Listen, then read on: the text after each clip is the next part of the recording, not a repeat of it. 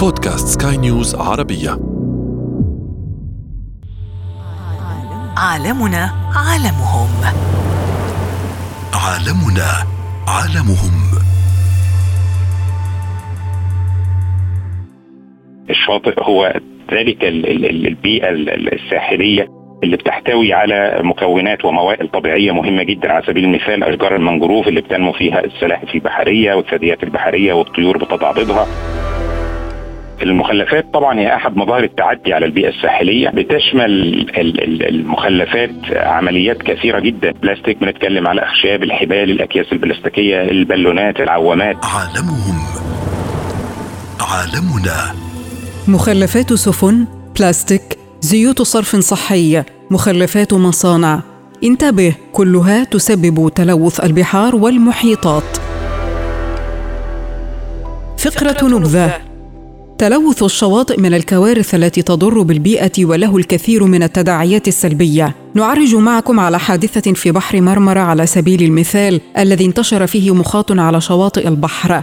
وهذا ما أثار قلق علماء البيئة والأحياء البحرية. هذه المادة تتكون من بعض المركبات التي تطلقها بعض الكائنات البحرية. والسؤال من أين أتت؟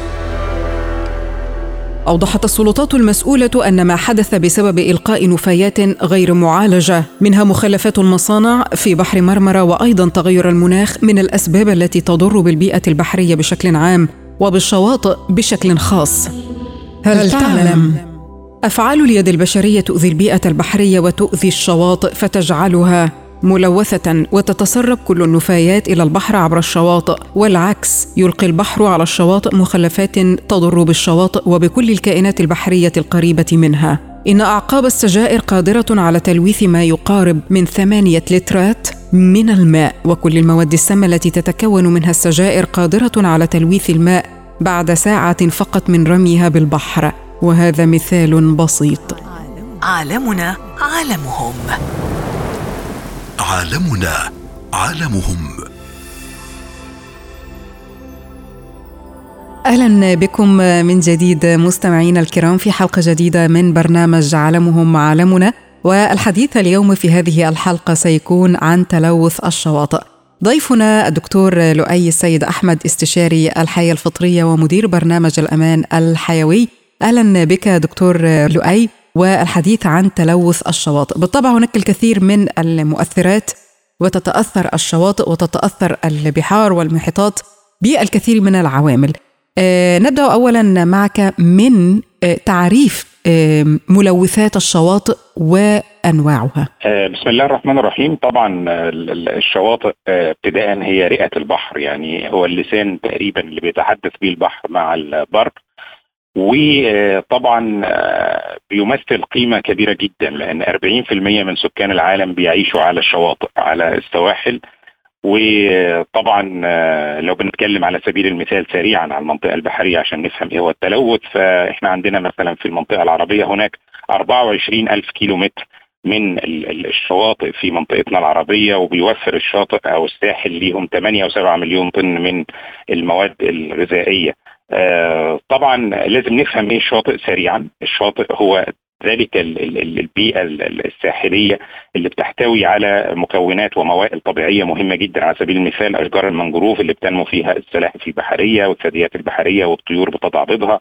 آه، الثروة الغذائية طبعا كلها بيبقى مصدرها عن طريق ال- ال- الشاطئ ال- ال- ال- الطحالب النباتية اللي هي الطحالب والحاجات النباتية اللي هي مصدر للأدوية خاصة الأدوية التي هي ضد السرطان. حتى في بعض الأبحاث الحالية إحنا مشاركين فيها آه، ضد الجائحة العالمية لكوفيد مستمدة من بعض المنتجات من زي السفنج البحري والشعاب المرجانية. آه، تلوث الشاطئ هو آه، ال- ال- المساس ببيئته. هو تغيير طبيعة هذا الشاطئ بأي شكل من الأشكال. آه، تلوث الشاطئ له أشكال عديدة. آه، سواء لو بنتكلم على التعدي على الشاطئ فهو تجاوز أو هو كمان آه، يعتبر تعدي على الشاطئ وتلويث له. آه، عملية تخريب الموائل الطبيعية عملية إلقاء ملوثات زي ما هنشوف سريعا هنبقى عارفين إيه هي المشاكل اللي بتؤثر على هذا الكيان الاقتصادي الكبير ال- المهم لصحة الإنسان واقتصاده وغذائه عالمهم عالمنا. صحيح دكتور. طيب لو انتقلنا إلى الأسباب بالطبع سيكون هناك أسباب كثيرة ربما بعض الأسباب البسيطة التي يعرفها الكثير من المستمعين هي آه، كمخلفات صرف صحي تلقى في البحر فتؤثر على الشواطئ. كما يقوم به بعض الأفراد على الشواطئ يقومون بتلويث هذه الشواطئ سواء كان آه، على الرمل آه، بشكل مباشر. وأيضا بعض الملوثات الأخرى آه، كإلقاء بعض المواد البلاستيكية أو الأكياس البلاستيك التي تنتقل من الشواطئ إلى عمق البحر أو العكس صحيح. ما هي الأسباب الأخرى التي تؤدي إلى تلوث الشواطئ بشكل مباشر؟ يعني هنتكلم سريعا على أسباب خمس أو ست أسباب سريعة هي السبب في تلوث الشواطئ وتغيير بيئتها وتغيير حتى بيئة مياه البحر. يعني أول حاجة زي ما حضرتك ذكرتي القمامة المخلفات. المخلفات طبعا هي أحد مظاهر التعدي على البيئة الساحلية. بتشمل المخلفات عمليات كثيرة جدا. يعني بنتكلم مش بس على البلاستيك بنتكلم على اخشاب الحبال الأكياس البلاستيكية البالونات العوامات النفايات الطبية للأسف القوارير الزجاجية البلاستيكية وأعقاب السجاير علب المشروبات. كل دي مخلفات سواء من مرتادي الشواطئ أو حتى من الصيادين أو حتى مخلفات السفن السياحية.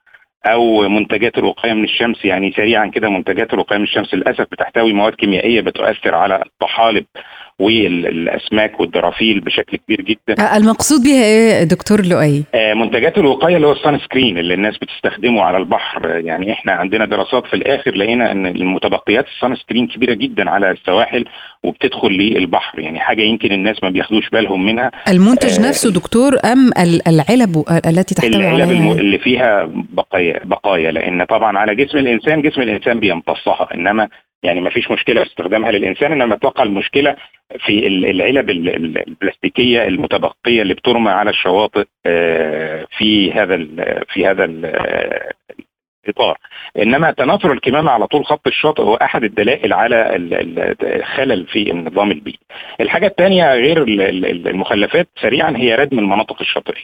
طبعا زي ما قلنا 40% من سكان العالم بيعيشوا في المناطق الساحلية فعمليات الردم في بعض الأماكن في عمليات ردم واسعة سواء للمشروعات السياحية أو المدن الترفيهية أو المنتجعات.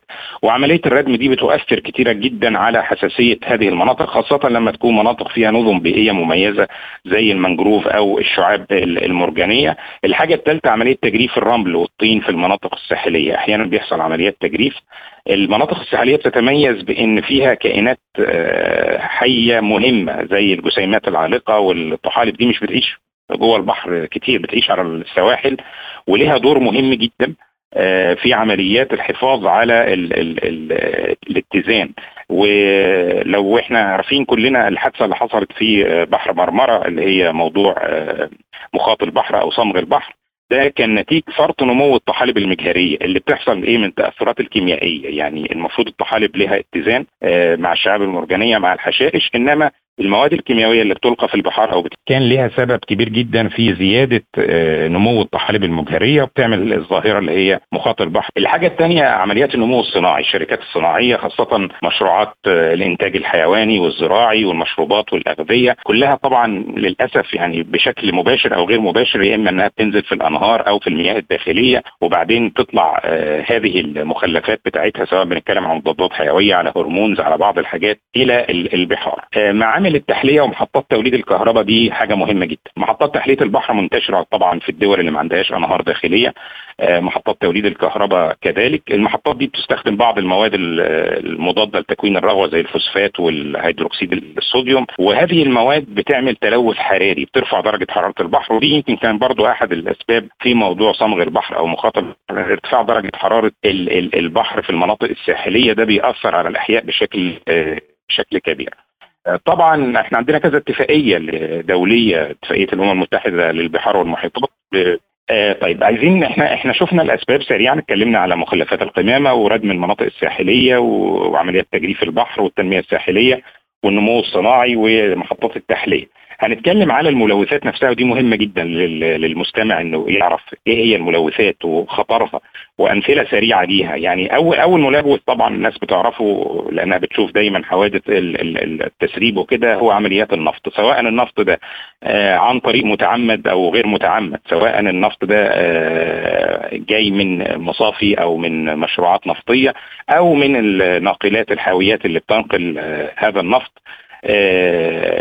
عن طريق البحار والمحيطات والنفط في الآخر لأنه مادة أخف من من مية البحر أو أتقل سوري من مية البحر فبيتجمع على الشواطئ وطبعا بيحدث مشاكل كبيرة جدا للبيئة البحرية. آه النفط ده بيتسرب بس مش من محطات مش من محطات النفط لكن كمان محطات إنتاج القوى الكهربائية ومحطات خدمة خدمة السيارات ومحطات أحيانا حتى بتسرب مع مياه الصرف الصحي. الحاجة الثانية المهمة هو مياه الصرف الصحي وده موضوع مهم لازم نركز عليه. مياه الصرف الصحي طبعا آه سواء الناتجة من المجمعات السكنية أو التجارية أو الصناعية أو حتى الزراعية بتحتوي على مجموعة كبيرة جدا من الملوثات اللي لها أخطار كبيرة جدا على صحة الإنسان. لأنها طبعا بتبقى مرجع خاص لتكاثر البكتيريا الضارة والفيروسات والفطريات. وأهمها يمكن البكتيريا اللي كان سمعنا من فترة عملت مشكلة كبيرة في أوروبا وفي أمريكا إلى الآن اللي هي الاشريشا كولاي أو البكتيريا القولونية اللي بتعمل حالات كثيره من القيء والإسهال خاصة للأطفال واحيانا لو زادت بتسبب مرض ال ال ال في بكتيريا ثانية برضو بتعمل الكوليرا. فهذان البكتيريتين إحنا حتى في شغلنا الآن في البكتيريا المضادة أو للمضادات الحيوية لقينا إن الايكولاي هي اهمهم يعني بتقاوم كمان المضادات الحيوية. علاجها بقى من الحاجات الصعبة جدا. وهي كمان بتعمل على آه، البكتيريا والفطر والفيروسات بتعمل على آه، استنفاذ الأكسجين المذاب في في المياه على الشواطئ وتحليل المواد العضوية. وده طبعا بيطلع غازات سامة واندعاج غاز الأمونيا وبيعمل يعني بدون الدخول في التفاصيل الا انه في الآخر هو سبب كبير جدا الصرف الصحي كمان للأمراض الخاصة خاصة حتى الأمراض الجلدية. يعني بعض الشواطئ في العالم أصبحت لا تصلح للسباحة. بعض الشواطئ في العالم أصبحت مغلقة.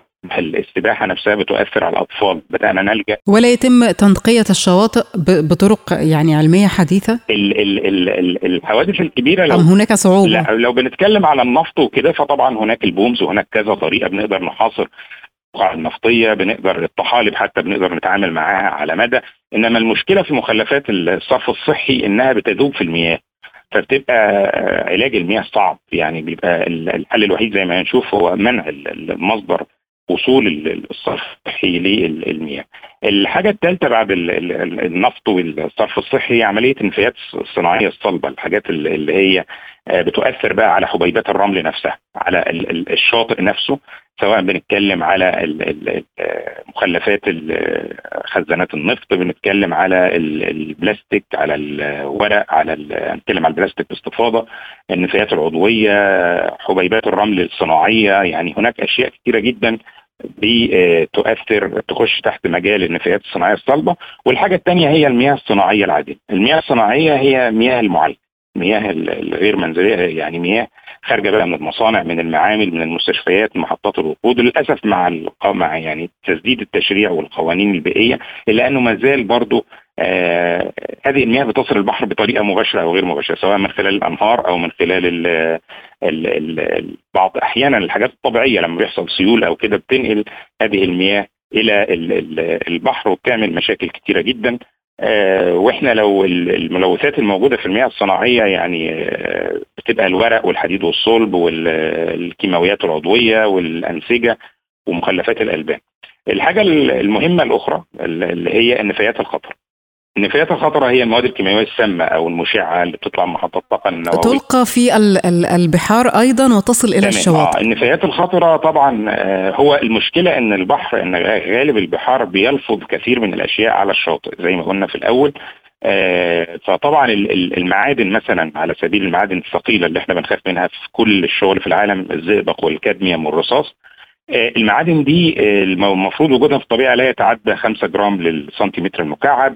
آه، إلا أن هذه المعادن نتيجة النفايات المشعة أو محطات الطاقة النووية أو كده لو زادت في الترسبات الساحلية يعني هي بتظهر أصلا إحنا ما بنقدرش نكشف عليها في البحر إنما بنكشف عليها على الرمال وطبعا هي سامة جدا للأحياء البحرية اللي, بتقصد الرمال. سيكون هناك أيضا يعني دور كبير للتوعية للأفراد من خلال منصات إعلامية وضحت الصورة تماما دكتور لؤي السيد أحمد استشاري الحياة الفطرية ومدير برنامج الأمان الحيوي. نشكرك جزيل الشكر. عالمهم. عالمنا. مخلفات كثيرة لا يمكن حصرها تلوث شواطئ العالم، مخلفات سفن وبلاستيك ومخلفات مصانع وزيوت تدمر البيئة البحرية وتتسبب في نفوق الأسماك وتلوث البحر والشاطئ. عالمهم عالمنا يبحث عن الحل مع المختصين ويمكنكم متابعين عرض بعض الحلول بجهود ذاتية عن حماية الشواطئ لنثري وعينا بالبيئة ولنحمي كوكبنا. كان معكم في هذه الحلقة في الإعداد والتقديم لبنى الخولي. انتظرونا في عالمهم عالمنا. عالمنا عالمنا عالمهم. عالمنا عالمهم.